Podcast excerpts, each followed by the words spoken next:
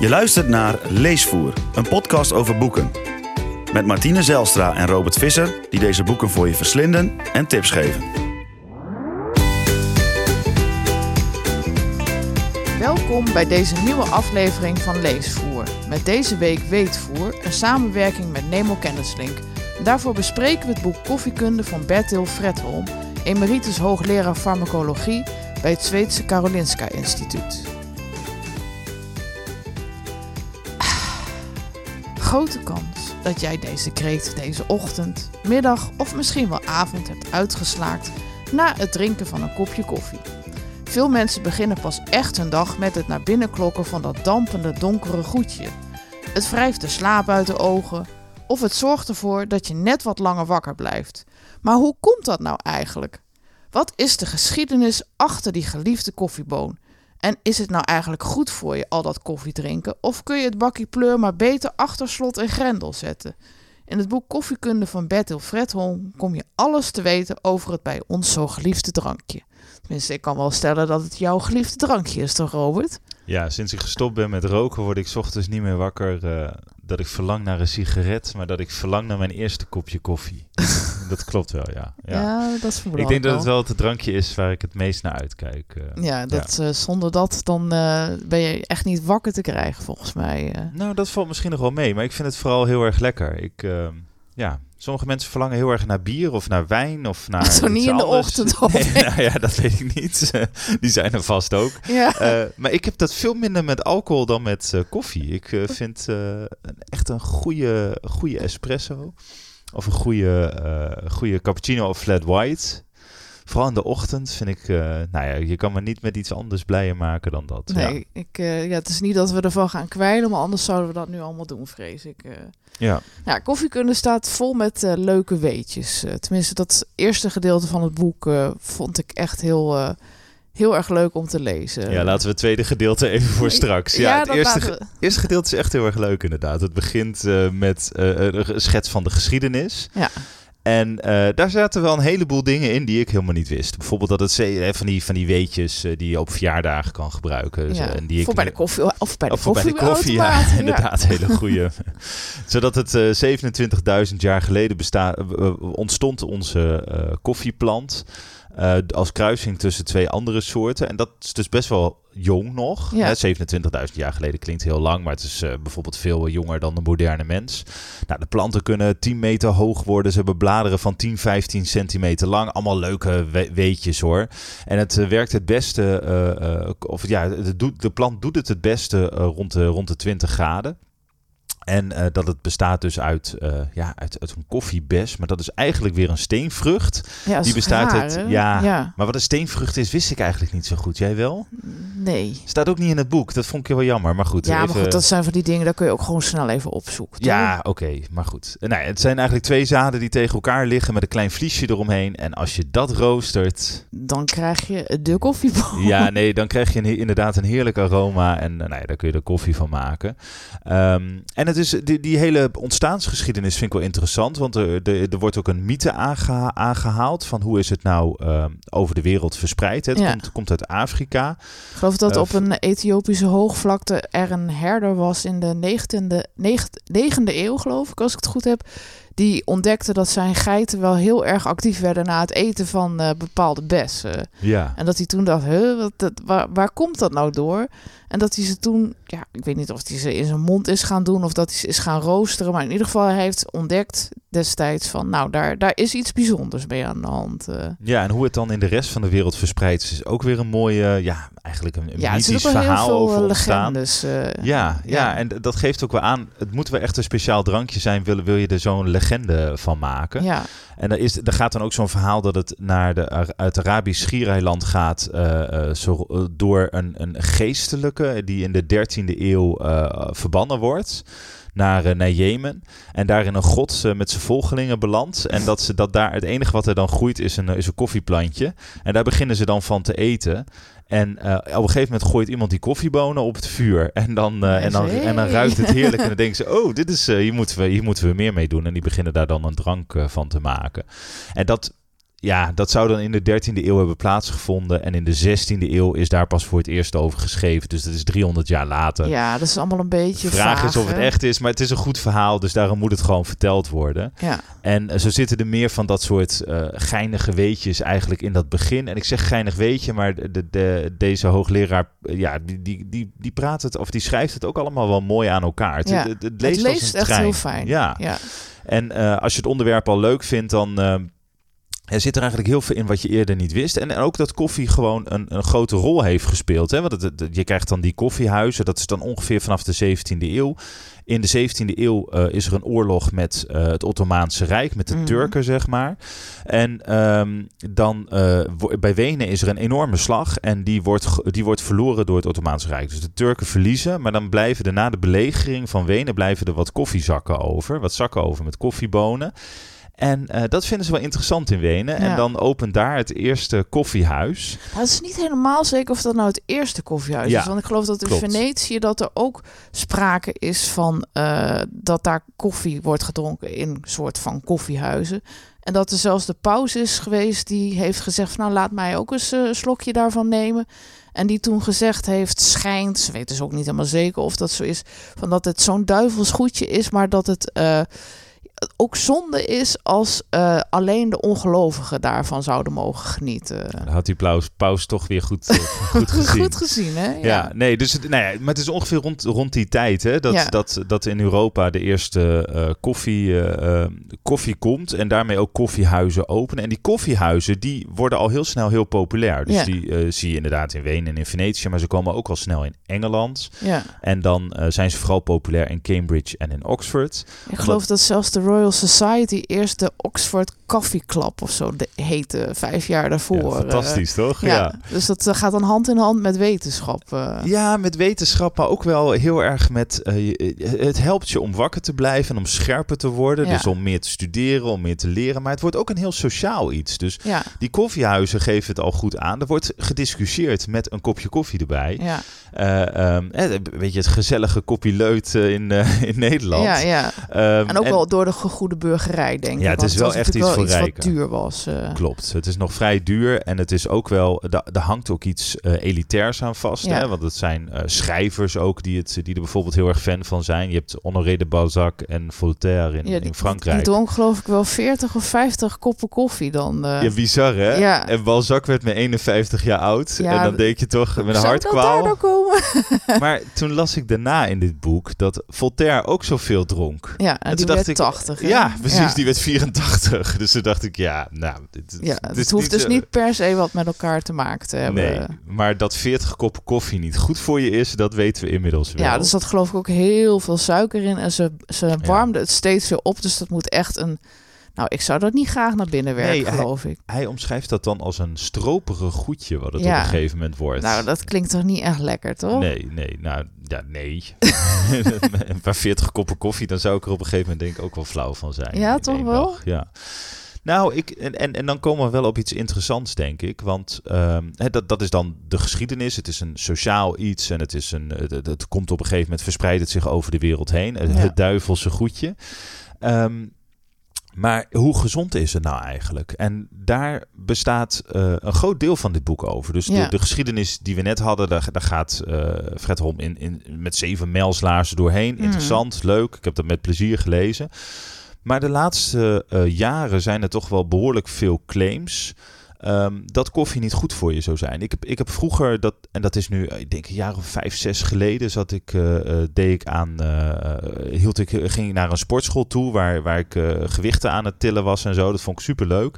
Maar dat deed ik bij een sportschool waar heel veel bodybuilders waren. Hmm. En dat, en dat ben ik helemaal niet. Maar dat was wel een hele leuke omgeving. Hele aardige mensen, kon ik het heel goed mee vinden. Maar wel heel erg gericht op gezondheid. Ja, Ehm, en een beetje op het obsessieve dat is in, inherent eraan, denk ik, ja, toch? misschien wel. Ja, en, en, in mijn ogen wel een beetje op het obsessieve af. Ze waren er gewoon heel erg mee bezig. En obsessief klinkt meteen zo negatief. Nou, Ja, laat ik ze zeggen, bloed, bloedfanatiek. Ja, precies. Ja. Waren wedstrijden en super knap en met enorm doorzettingsvermogen. Ehm, maar daar hoorde ik voor het eerst mensen die zeiden van ja, ik drink geen koffie meer, want het is slecht voor je. En cafeïne is eigenlijk een soort van gif wat, eh, wat, je, wat je inneemt. Ehm, nou ja, en ik zat daar met mijn enthousiaste koffieverhaal. ik kom s ochtends mijn bed uit en dan denk ik aan koffie. Dus, uh, mocht je er nog wel in op een gegeven ja, moment? Ja hoor, ik mocht oh, daar altijd in. Het was een hele, ondanks dat ik dus helemaal geen bodybuilder ben, werd ik daar altijd heel hartelijk ontvangen. Dus dat uh, alle, ja, dat waren, waren hele toffe mensen. Maar goed, ik, ik ben ze een beetje uit het zicht verloren, want die sportschool ging dicht. Die ging verhuizen naar een andere plek was voor mij te ver weg en ik ging iets anders doen. Ik ging namelijk aan taekwondo doen. En uh, nou, ik stopte met al die gewichten tillen en ik uh, stond voortaan mensen te schoppen en te slaan op de mat. Ja, en alleen daar. Een andere hobby. Ja, precies. en daar had niemand het over koffie. Maar het bleef wel een beetje hangen. een aantal van die mensen volg ik nog op Instagram en op andere social media. En daar uh, merkte ik toch wel dat ja, steeds meer mensen gingen minder koffie drinken. Want het, ja, nou ja, dat hele gifverhaal. En daarom vond ik dit boek ook wel interessant. Van, eh, de, Fred Holm geeft, je aan, geeft aan wat is nou de stand van de wetenschap. Ja, wat, hij wat heeft daar 50 nou? jaar ook onderzoek naar gedaan. Naar dat koffiemolecuul. Van wat doet dat nou in je lijf? Uh... Ja, en dit is, kun je wel zeggen, wereldwijd een van de specialisten op dit vakgebied. En dat laat hij ook wel echt heel duidelijk zien. Hij onderbouwt dingen heel sterk. Hij zegt ook wanneer we het niet weten. Ja. Hij zegt het ook wanneer studies gewoon niet zo goed zijn uitgevoerd. En ook waarom ze dan niet zo goed zijn uitgevoerd. Ja. Want dat vind ik een van de uh, sterkste dingen van, van, dit, van dit boek. Hij legt op een gegeven moment uit hoe doe je nou goed wetenschappelijk onderzoek naar koffie. Ja. En dat legt hij voortreffelijk uit. Daar, daar kun je weinig uh, op inbrengen. En ik denk dat dat een heel belangrijk en goed verhaal is uh, voor veel mensen. Hoe doe je dat nou volgens de wetenschappelijke methode? En daar zit ook voortschrijdend inzicht in. Hè? Dus stel je voor, we denken nu dat cafeïne uh, niet zo heel slecht is. Maar door nieuwe studies kunnen we daar wel degelijk anders over gaan denken. Het is niet een mening, het is iets wat je blijft onderzoeken. Ja. En dat zit heel mooi in dit boek. En uh, ja, dat, dat, is, dat, dat vind ik heel sterk. Ja, want er komen wer werkelijk allerlei verschillende onderzoeken aan bod. Uh, uh, van onderzoek naar koffie, naar zwangeren, van wat het effect heeft. En op je nieren, op... nou, je nou, kunt het, laat zelfs de, bedenken. Het laat zelfs, dat vond ik wel een van de leukste hoofdstukken. Het laat zelfs de reis van de koffie door je nieren laat het zien. Um, en dan komen we ook meteen een beetje op de kritiek, want laten we die er ook maar ingooien. Het is wel heel gedetailleerd. Ja, het is heel gedetailleerd. Hij gaat in, uh, en ik denk dat dit ongeveer twee derde van het boek is, gaat hij alle uh, geneeskundige uh, onderzoeken na. Dus uh, wat doet koffie met, je, met haat en, of hart- en vaatziekten? Wat, wat zijn de gevolgen daarvan? wat doet koffie met slaapproblemen? Nou, die ligt misschien heel erg voor de hand. Maar ook bijvoorbeeld, hoe reist koffie door je nieren? En ik ben best wel. Uh, ik hou wel van gekke boeken, hè, en ook die Mm. heel gedetailleerd zijn. Maar ik vond dit wel een beetje. Ja, dit veel. zijn, dit zijn zulke details, dat kun je eigenlijk niet navertellen bij de koffieautomaat. Dat is zo uh, gespecialiseerd. Ja, tenminste, ik, ik, dan zou ik dat echt in mijn hoofd moeten stampen om dat uh, na te kunnen vertellen. Nou ja, en ik, ik denk dat het ook gewoon te veel is om alles na te vertellen. Dus ik zou zeggen, het, het tweede deel van dit boek is vooral een naslagwerk. Ja. Dus kijk wat je, wat je interessant vindt. Wat ik zelf interessant vond, was bijvoorbeeld die uh, slaapproblemen. Hè? Dus, en, en dat komt um, vooral door wat ze dan, wat waarschijnlijk door adenosine. Ja. Het is een woord wat ik nog niet eerder heb uitgesproken, volgens mij in mijn leven. Maar dat is een klein organisch molecuul dat is uh, opgebouwd uit een uh, stikstofbase van adenine en de uh, monosaccharide ribose. Kijk, ik heb dit gewoon opgeschreven. Ja, jongens, dat is ik weet het. En ik lees het gewoon voor. Maar wat wel belangrijk is, is dat het onderdeel uitmaakt zeg maar, van het energiepakket van uh, de cel. Hè? Ja. En die cellen hebben we natuurlijk allemaal. En het zorgt voor een soort evenwicht. En je zou kunnen zeggen dat cafeïne dat evenwicht uh, verstoort. Mhm. Nu, nu, ben ik het wel heel, uh, heel erg aan het simplificeren. Dus alle chemici die luisteren, sorry. Maar ik probeer het begrijpelijk te maken en dat is best lastig. Maar we weten wel al ongeveer 16... uh, nee, we, we, er wordt aangenomen al meer dan 60 jaar dat ad, adenosine, daar is hij weer, een rol speelt bij het slapen en bij het waken. Ja. Want als je dat inspuit bij dieren, dan gaan ze meteen slapen. Ja.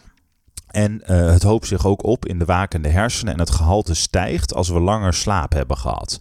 Dus ja, dat zijn heel veel aanwijzingen dat het daar toch wel een hele grote rol uh, speelt. Ja. Nou, wat doet cafeïne nou? Die remt uh, die remt die adenosine af en daardoor ben je minder slaperig of kom je minder snel in slaap. Daar zorgt het eigenlijk voor. Ja. En dat heeft als gevolg. En, dat, en ik denk dat we dit allemaal kennen. Hè? Want cafeïne, de, de, de, je, je voelt je opgewekt, je voelt je er toch ook wel wat blijer door. Ehm, en, maar je voelt je er opgewekt en daardoor eh, ja, kun je zeker bij overvloedig gebruik. Ik denk even aan Voltaire en aan Honoré de Balzac. Als je 40 koffie drinkt. Nee, maar goed, je zou lekker kunnen lang wakker blijven. Zou kunnen zeggen van wat is dan overvloedig. Maar ik geloof dat dat al na uh, een kop of 6, 7 uh, ja, of meer ik geloof is. dat hij na 6 of 7 dat, dat, dat hij zelf zegt van dat is nog oké. Okay, mits Ja. je dat een beetje over de dag dan verspreidt. Ja, precies. En daarna krijg je slaapproblemen. En hij Ja. gaat ook helemaal de afbraak van cafeïne na met berekeningen en zo. En dat is tof als je een beetje nerd bent zoals ik. Want, en dat zeg ik in de goede zin des woords. Ik hou daar wel van. Ik vind Mhm. dat leuk. En ik, maar ik kan me ook voorstellen dat dat voor het brede publiek net iets te veel is. Ja, Ehm, nou ja, goed. Ik vond die slaap vond ik interessant. Wat ik ook interessant vond, was dat mensen die angstig zijn, ehm, dat daar koffie wel, wel degelijk een probleem voor vormt. Eh, Ja. en vooral weer die cafeïne, hè, want die maakt je extra angstig ja, eigenlijk. ja, maar ik geloof ook wel dat het... Um, ja, hoe moet je dat nou zeggen? Ieder lichaam is ook weer anders. Hè? Het is ook weer niet dat, eh, dat, je, dat, het een soort stand, dat iedereen een soort standaard lijf heeft en dat het precies op dezelfde manier werkt. Eh, ik geloof dat er iets van 3% is Klopt. Dat- echt niet, tegen, of echt niet goed tegen cafeïne kan. En ja, als je dan ook nog angstig of in ieder geval een beetje een tendens hebt om dat te hebben, dan, daar, dat lijkt me dan helemaal een soort eh, verkeerde cocktail om, om naar binnen te werken. Ja, en die drie- 3% is gewoon een heel laag aantal. Ja. Dus om even weer terug te komen van ja, koffie, wat als een soort vergif wordt gezien of ehm, als iets wat heel slecht voor je zou zijn. Hij zegt, het hangt ervan af hoe jij zelf in elkaar zit. Ja. Hè? En, en dan kan het dus zijn dat jij... d- dat je daar niet goed tegen kan. En dat je tot die 3% behoort. Ja. Maar dat wil niet, ja, die 3% blijft uiteindelijk een heel laag aantal. En het, het goede is ook, en dat, dat benadrukt hij ook wel heel erg, is dat je het wel merkt. Dus je, hè, als jij moeilijk in slaap kan komen, ja, dan is het wel verstandig om naar je koffieinname te kijken. Als Ja. jij vaak angstaanvallen hebt, is het verstandig om minder koffie te gaan drinken. En daarbij zegt hij, ehm, ja, koffie is niet heel, ehm, eh, heel moeilijk. Ja, het, het is, het, het, je kan er wel een beetje verslaafd aan zijn of of heel veel. Mild veel, verslaafd, ja, noemt zo moet je het zeggen, ja. ja. Maar je kan er ook vrij makkelijk kun je het laten. Het is niet Ja. zoals stoppen met roken. Nee. Eh, dus in die zin zit hij, hij er weinig kwaads in. En sterker nog, hij zegt het zou zelfs wel heilzaam kunnen zijn. Maar dat is wetenschappelijk nog niet helemaal sterk Nee, dat- onderbouwd. ja. hè? Nee, dat, dat blijft gewoon een beetje lastig aan dit soort eh, grote onderzoeken, denk ik. Om daar specifiek het effect van koffie dan uit te filteren. Ja, want je hebt eigenlijk gewoon je hebt, je hebt enorme aantallen mensen waarbij je gaat kijken naar een heleboel eh, dingen die ze wel of die ze niet doen. Ja. En dan kun je ook denken, van, ja, en, en daar, daar kan dan koffie als voorspeller van een bepaalde ziekte uitkomen. Dat is lastig Dat is hoor, dat is heel lastig Ja. na te gaan. En juist omdat er individueel, eh, hoe, hoe je dus koffie opneemt, zulke verschillen kunnen zijn. Ja, dat maakt het ingewikkeld. Ehm, maar goed, de, de hoofdboodschap van, eh, van dit boek is eh, koffie prima. eh, zolang je er goed bij voelt, is, Ja. is er eigenlijk gewoon helemaal niks, niks aan de hand. Ehm, maar ben je zwanger, heb je slaapproblemen, ben je snel angstig, dan moet je wel echt heel voorzichtig zijn. Ja. Dus eigenlijk kunnen wij. ehm, ja, nou ja, ik drink, ik zou zeggen, kunnen wij lekker doorgaan met, met koffie. Maar ik drink zelden koffie na vier uur bijvoorbeeld. Omdat ik, ik merk wel dat het invloed heeft op mijn slaap. Dat Ja, heb jij- je minder jij- volgens ja. mij. Hè? Nee, ik heb daar inderdaad minder last van. Maar ja, dat geeft misschien wel het, het verschil weer. eh, want ik ben natuurlijk een heel stuk kleiner dan jij. Maar eh, dat zegt dan blijkbaar ook niet zoveel over eh, de verspreiding van koffie in je lijf of weet ik veel wat. Dus wat het nou precies is, dat, dat valt zo moeilijk na te gaan. Dus dat is niet eh, voor één bepaalde noemer te vangen, denk ik. En eh, ja, dat zul je gewoon moeten uitproberen om eh, te ontdekken van wat prettig is. Lijkt Ja, en ik, ik denk ook even, mijn vader he- re- reageert ook heel heftig. Of er ook, maar die reageert nog veel heftiger dan ik op cafeïne. Ja. Dus het zou best kunnen zijn dat daar wel Iets degelijk een, ja, dat ja. daar een verband tussen bestaat. Nou ja, maar goed. Ehm, Wil je jezelf aanbieden als een testobject? nee, ik, eh, ik, ik blijf lekker koffie drinken. En dan, maar ik, ik doseer het wel heel erg. Dus Ja. ik heb wel een heel goed Italiaans eh, apparaat. Om, eh, espresso heb ik lang voor gespaard. Heb ik echt lang voor gespaard. En daar geniet ik wel van. Dus ik zet mijn eigen espresso en, en cappuccino thuis. En dat is wel, ehm, nou, daar ben ik, daar ben ik wel heel blij mee. Ja, toch wel? Maar het is niet dat ik dan heel veel drink of zo. Ik denk, ik drink drie, hooguit vier koppen op een dag. Ja. Ook, eh, nou ja, gewoon omdat ik het lekker vind en omdat ik het eh, fijn houden. Maar meestal stop ik wel rond een uurtje of vier. Ik had trouwens nog één leuk weetje uit het verleden. Vertel. Uh, in Cairo had je als uh, een soort wet, een soort uh, wat ze dan. Um, dat een man goed voor zijn vrouw moest zorgen. En ook voor dat zij regelmatig koffie moest krijgen van haar echtgenoot. En als hij daarin verzaakte, dan was dat samen met andere dingen die hij dan niet goed deed, een reden om een scheiding aan te mogen vragen. Ah. Toen dacht ik, ah, nou dat is nog eens leuk. Dus alle mannen in Nederland, of nou ja, in, dit gaat over Cairo, dus dat is een beetje flauw. Alle mannen in Egypte moeten dus zorgen dat hun vrouw genoeg eh, en goede ja, koffie Ja, ik weet niet hoe lang geleden dit was, maar dit noemde hij ook als een feitje uit het verleden. En toen dacht ik, nou, dat is toch grappig. Dat moeten we weer terug in. Ja, zoiets, ja. Onder, onder koffie, koffielijke voorwaarden of zo. Ja, uh, ja oké. Nou, ja, lijkt het je wat? Het lijkt me fantastisch. Als ik. je zelf maar ook mag meedrinken. Dat, uh, ja hoor.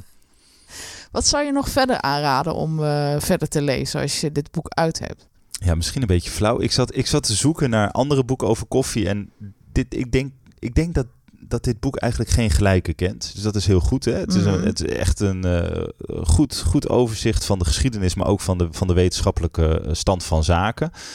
Um, maar ik zat een beetje aan iets anders te denken, aan een beetje iets flauws. Ik denk, als je over koffie hebt, heb je het eigenlijk ook een beetje over thee. Mm. En uh, dat geeft mij uh, een, uh, een aanleiding om te gaan praten over Heren van de Thee van Helle Hazen.